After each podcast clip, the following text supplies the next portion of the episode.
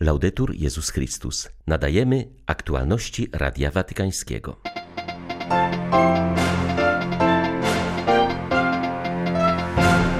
Po wczorajszej operacji stan papieża jest dobry, pozostanie jednak w szpitalu około siedmiu dni, poinformował watykański rzecznik. Ksiądz Słami, indyjski obrońca praw człowieka, nie doczekał się wolności. 84-letni jezuita zmarł dziś w szpitalu pod nadzorem policji. Władze zarzucały mu wspieranie terroryzmu. Pogarsza się sytuacja mieszkańców Wenezueli. Sam nie wiem, jak tym ludziom udaje się przeżyć, mówi posługujący w tym kraju szwajcarski misjonarz. 5 lipca witają Państwa Łukasz Sośniak i Beata Zajączkowska. Zapraszamy na serwis informacyjny. Jeśli nie będzie komplikacji, papież pozostanie w szpitalu przez około 7 dni. Ogólny stan Franciszka jest dobry, oddycha samodzielnie, jest przytomny, podało w południe watykańskie biuro prasowe. Wczoraj po południu Franciszek udał się do kliniki Gemelli na zaplanowaną wcześniej operację z powodu objawowego zwężenia uchyłka jelita grubego. Odbyła się ona wczoraj wieczorem przy znieczuleniu ogólnym i trwała 3 godziny. Zabieg polegał na usunięciu lewej części części jelita grubego. Ogłoszenie papieskiej podróży na Słowację jest dla nas źródłem wielkiej radości, zapewnił przewodniczący tamtejszego episkopatu. Myślę, że wielu z nas powraca w tym momencie z ogromną radością do wspomnień związanych z wizytą Jana Pawła II, dodał arcybiskup Stanisław Zwoleński. Przypomniał on, że to święci Cyryl i Metody nauczyli Słowaków szacunku do papieża. Zachęciłby już teraz duchowo przygotować się na przyjęcie przesłania Franciszka. Jest to przesłanie wrażliwości na cierpiących, zmarginalizowanych, i potrzebujących, zarówno pod względem materialnym, jak i duchowym. Papieżowi zależy również na dobru rodziny, jest otwarty na potrzeby ludzi młodych. Te tematy będą na pewno treścią papieskiej wizyty na Słowacji. Możemy się po niej spodziewać wielkiego duchowego umocnienia, napisał arcybiskup Zwolenski. Zadowolenie z przyjazdu Ojca Świętego wyraziła też prezydent Słowacji Zuzana Czaputowa. Przypomniała, że w grudniu ubiegłego roku papież zapewniał ją, iż Słowacja jest bliska jego sercu. Zdaniem prezydent potwierdzeniem tych słów jest długość papieskiej wizyty na Słowacji. Franciszek będzie tam od 12 do 15 września. Również na Węgrzech, gdzie papież będzie tylko kilka godzin, wspólnota katolików oczekuje z wielką radością i miłością na przybycie Ojca Świętego, zapewnił przewodniczący tamtejszego episkopatu. Kardynał Peter Erde zauważył, że udział Franciszka we mszy wieńczącej kongres eucharystyczny w Budapeszcie jest bardzo znaczący. Modlimy się, aby jego wizyta była dla nas znakiem nadziei i nowego początku po pandemii, oświadczył kardynał Erde. W wieku 84 lat zmarł ojciec Stan Swami, znany obrońca praw człowieka i ludności tubylczej. Hinduski jezuita od 8 miesięcy przebywał w areszcie w Bombaju w fatalnych warunkach. Władze oskarżały go o wspieranie maoistowskich rebeliantów. Pomimo licznych interwencji kościoła nie udało się doprowadzić do jego uwolnienia. Ze względu na pogarszający się stan zdrowia od 28 maja zakonnik przebywał w szpitalu, cierpiał na zaawansowaną chorobę Parkinsona i inne dolegliwości związane z wiekiem. Był zdany na pomoc współwięźniów przy wykonywaniu codziennych czynności. Ostatnio wykryto u niego także koronawirusa. Zmarł zaledwie kilka dni przed rozprawą, podczas której sąd po raz kolejny miał rozpatrzyć wniosek o zwolnienie go za kaucją. Wcześniej Trybunał Nadzwyczajny Indyjskiej Agencji Antyterrorystycznej systematycznie odrzucał wnioski o jego uwolnienie. Wskazywał na liczne, rzekomo kompromitujące maile wymieniane między ojcem Słamim a innymi skazanymi w tej sprawie. Miał on również otrzymać równowartość około 40 tysięcy złotych za wsparcie maoistów i spiskować w celu obalenia rządu. Lokalny kościół, ONZ i organizacje broniące praw człowieka określiły te zarzuty jako całkowicie bezpodstawne. Mam nadzieję na szybki proces, który ujawni prawdę. Zbyt wiele osób cierpi. W ten sposób watykański sekretarz stanu odniósł się do rozpoczynającego się 27 lipca procesu w sprawie złożonej afery inwestycyjnej w Londynie, w wyniku której Watykan poniósł znaczące straty. My jesteśmy ofiarą, dlatego też jako sekretariat stanu podjęliśmy decyzję o wystąpieniu z powództwa cywilnego, podkreślił kardynał Pietro Parolin, wskazując, że ta decyzja została zaaprobowana przez papieża Franciszka. Watykański hierarcha mówił o tym na marginesie swojej wizyty w Strasburgu z okazji 1300. rocznicy śmierci świętej Otylii, patronki Alzacji. W rozmowie z dziennikarzami podkreślił, że jeśli zostanie wezwany, gotowy jest w tej sprawie złożyć zeznania. Wskazał, że liczy, iż sąd zbada sprawę odpowiedzialności poszczególnych osób.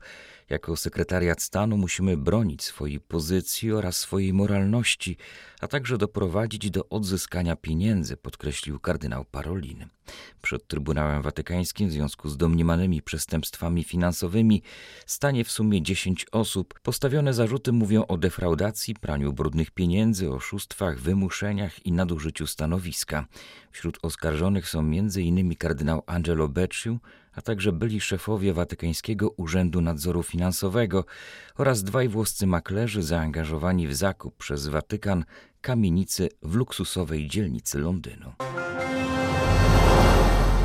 Zarządzanie funduszami przekazywanymi przez wiernych na misję i działalność Ojca Świętego musi być jeszcze bardziej przejrzyste, a Watykan powinien lepiej dobierać współpracowników, którym powierza zarządzanie swymi finansami.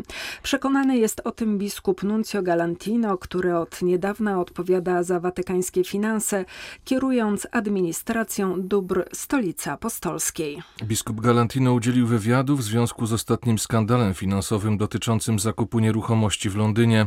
Podkreślił, że ostatni żenujący skandal przyspieszył wprowadzenie procedur kontrolnych, które nie pozostawiają miejsca na arbitralne i mało przejrzyste zarządzanie funduszami.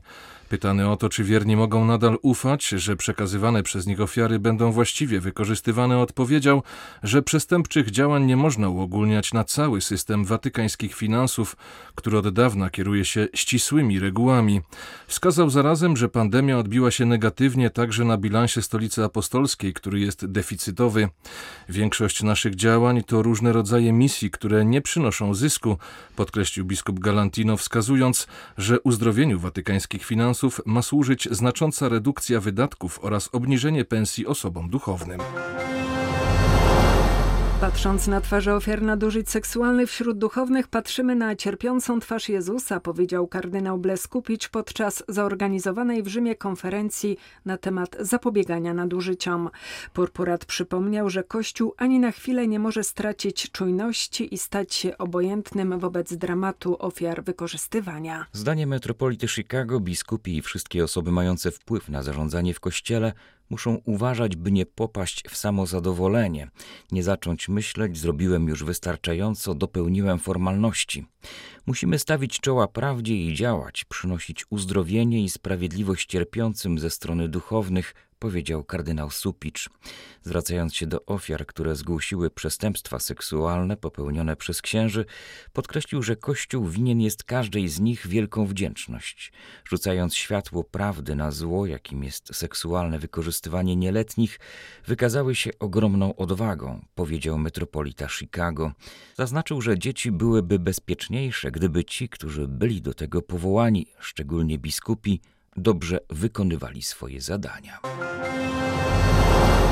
Kto nie jest tu na miejscu, nigdy nie zrozumie, w jak tragicznej sytuacji znajdują się mieszkańcy Wenezueli. 80% ludności nie może najeść się dosyta, niemal nikt nie może kupić lekarstw. Szkoły wszystkich szczebli są zamknięte, bo rząd płaci nauczycielom 4 dolary na miesiąc. Tak sytuację w tym kraju realnego socjalizmu opisuje szwajcarski misjonarz, który posługuje tam od ponad 40 lat. Przyznaje, że sam nie wie, jak ludziom udaje się przeżyć w takich warunkach. Przez wiele lat Wenezuela była jednym z najlepiej prosperujących krajów Ameryki Łacińskiej, głównie dzięki ogromnym złożom ropy naftowej. Zmieniły to rządy Hugo Chaveza i jego następcy Nicolasa Maduro. Na skutek socjalistycznej reorganizacji państwa oraz utrzymującej się korupcji nastąpił kompletny rozkład gospodarki. Ksiądz Angelo Trecani przyznaje, że nie potrafi zrozumieć, jak mogło do tego dojść, jak można było dokonać tak wielkiego spustoszenia. Zauważa, że normalni ludzie często nie zdają sobie sprawy z przyczyn tej sytuacji i wierzą rządowej propagandzie. Przyznają, że wcześniej było im lepiej, ale rządowi udaje się przekonać ludzi, że winni są obcy Stany Zjednoczone. Kiedy tu przyjechałem przed 40 laty, nikt nie cierpiał głodu. Oczywiście byli ludzie biedni, ale szkolnictwo funkcjonowało dość dobrze, szpitale dysponowały lekami, była zapewniona darmowa opieka zdrowotna. Mieszkańcy Wenezueli to pamiętają, wiedzą, że było lepiej, ale nie potrafią wyciągnąć z tego wniosków. Brakuje im odpowiedzialności obywatelskiej. W wyborach głosują na tego, kto da więcej, kto więcej im obieca. Nieważne, że kradnie. Brak więc dojrzałości obywatelskiej i to trudno jest zmienić. Szwajcarski misjonarz zajmuje się aktualnie przekazywaniem wiedzy rolniczej lokalnej społeczności, bo przemiany gospodarcze zrujnowały również rolnictwo. Produkcja rolna stoi, bo brakuje nawozów, środków chemicznych. Ja pokazuję ludziom, jak się bez tego obejść, mówi ksiądz Trekani. Większość Amerykanów sprzeciwia się nieograniczonemu dostępowi do aborcji w późnym okresie ciąży. Zaledwie 1 trzecia mieszkańców USA uważa, że aborcja powinna być możliwa w drugim trymestrze, a tylko 19%, że w trzecim. Aż 55% respondentów poparło zakaz aborcji po 20 tygodniu ciąży, z wyjątkiem przypadków ratowania życia matki. Ponad połowa zgadza się na jej legalizację we wszystkich przypadkach, ale jedynie podczas pierwszego trymestru. Z kolei ponad 30% jest zdania, że zabijanie nienarodzonych dzieci w ogóle nie powinno być legalne. Wyniki ogólnokrajowego sondażu na temat postaw wobec aborcji pokazują, że znaczna większość społeczeństwa uważa, iż aborcja powinna być dozwolona, gdy zagrożone jest zdrowie matki lub gdy ciąża jest wynikiem gwałtu lub kazirodztwa. Trzy czwarte zgadza się, że przerwanie ciąży powinno być możliwe, jeśli dziecko urodziłoby się z zagrażającą jego życiu chorobą. Zdecydowana większość respondentów popierających aborcję to wyborcy Partii Demokratycznej, którzy identyfikują się jako niereligijni. Przewodnicząca Rady Adwokatur i Stowarzyszeń Prawniczych Europy skierowała pismo do premiera Pakistanu prosząc w nim o podjęcie działań w obronie Saifula Maloka. To muzułmański prawnik, obrońca prześladowanych chrześcijan, który z tego powodu znalazł się na celowniku islamskich ekstremistów. To właśnie on przyczynił się do zwolnienia z więzienia Azi Bibi. W swoim liście prezes Rady, która reprezentuje około miliona europejskich prawników, podkreśla, że adwokat otrzymuje coraz liczniejsze groźby śmierci i dlatego konieczne jest zapewnienie mu całodobowej ochrony. Groźby nasiliły się po wygranym przez niego procesie chrześcijańskiego małżeństwa, które spędziło w celi śmierci 7 lat. Dzięki interwencji muzułmańskiego prawnika na początku czerwca tego roku sąd w Lachaurze zwolnił z więzienia rodziców czwórki dzieci.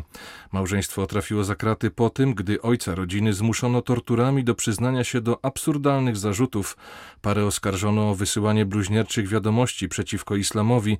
Tymczasem zarówno mężczyzna, jak i jego żona są analfabetami, którzy nie umieją pisać i czytać. Nie może być mowy o rządach prawa, jeśli prawnicy i instytucje broniące praworządności są nieustannie szantażowane i zastraszane przez islamskich ekstremistów, napisała von Galen. Podobnie uważa sam Saiful Malok, który poświęcił się obronie chrześcijan nie ze względu na wyznawaną wiarę, ale z szacunku dla prawa. Jestem pobożnym muzułmaninem i kocham proroka Mahometa. Obrona chrześcijan oskarżonych o bluźnierstwo jest moim konstytucyjnym i islamskim obowiązkiem. Islam uczy nas, że zabicie jednej niewinnej osoby jest jak zabicie całej ludzkości. Niestety wielu moich muzułmańskich braci i sióstr nie potrafi tego przyjąć, powiedział adwokat w jednym z wywiadów. Były to aktualności Radia Watykańskiego. Laudetur Jezus Chrystus.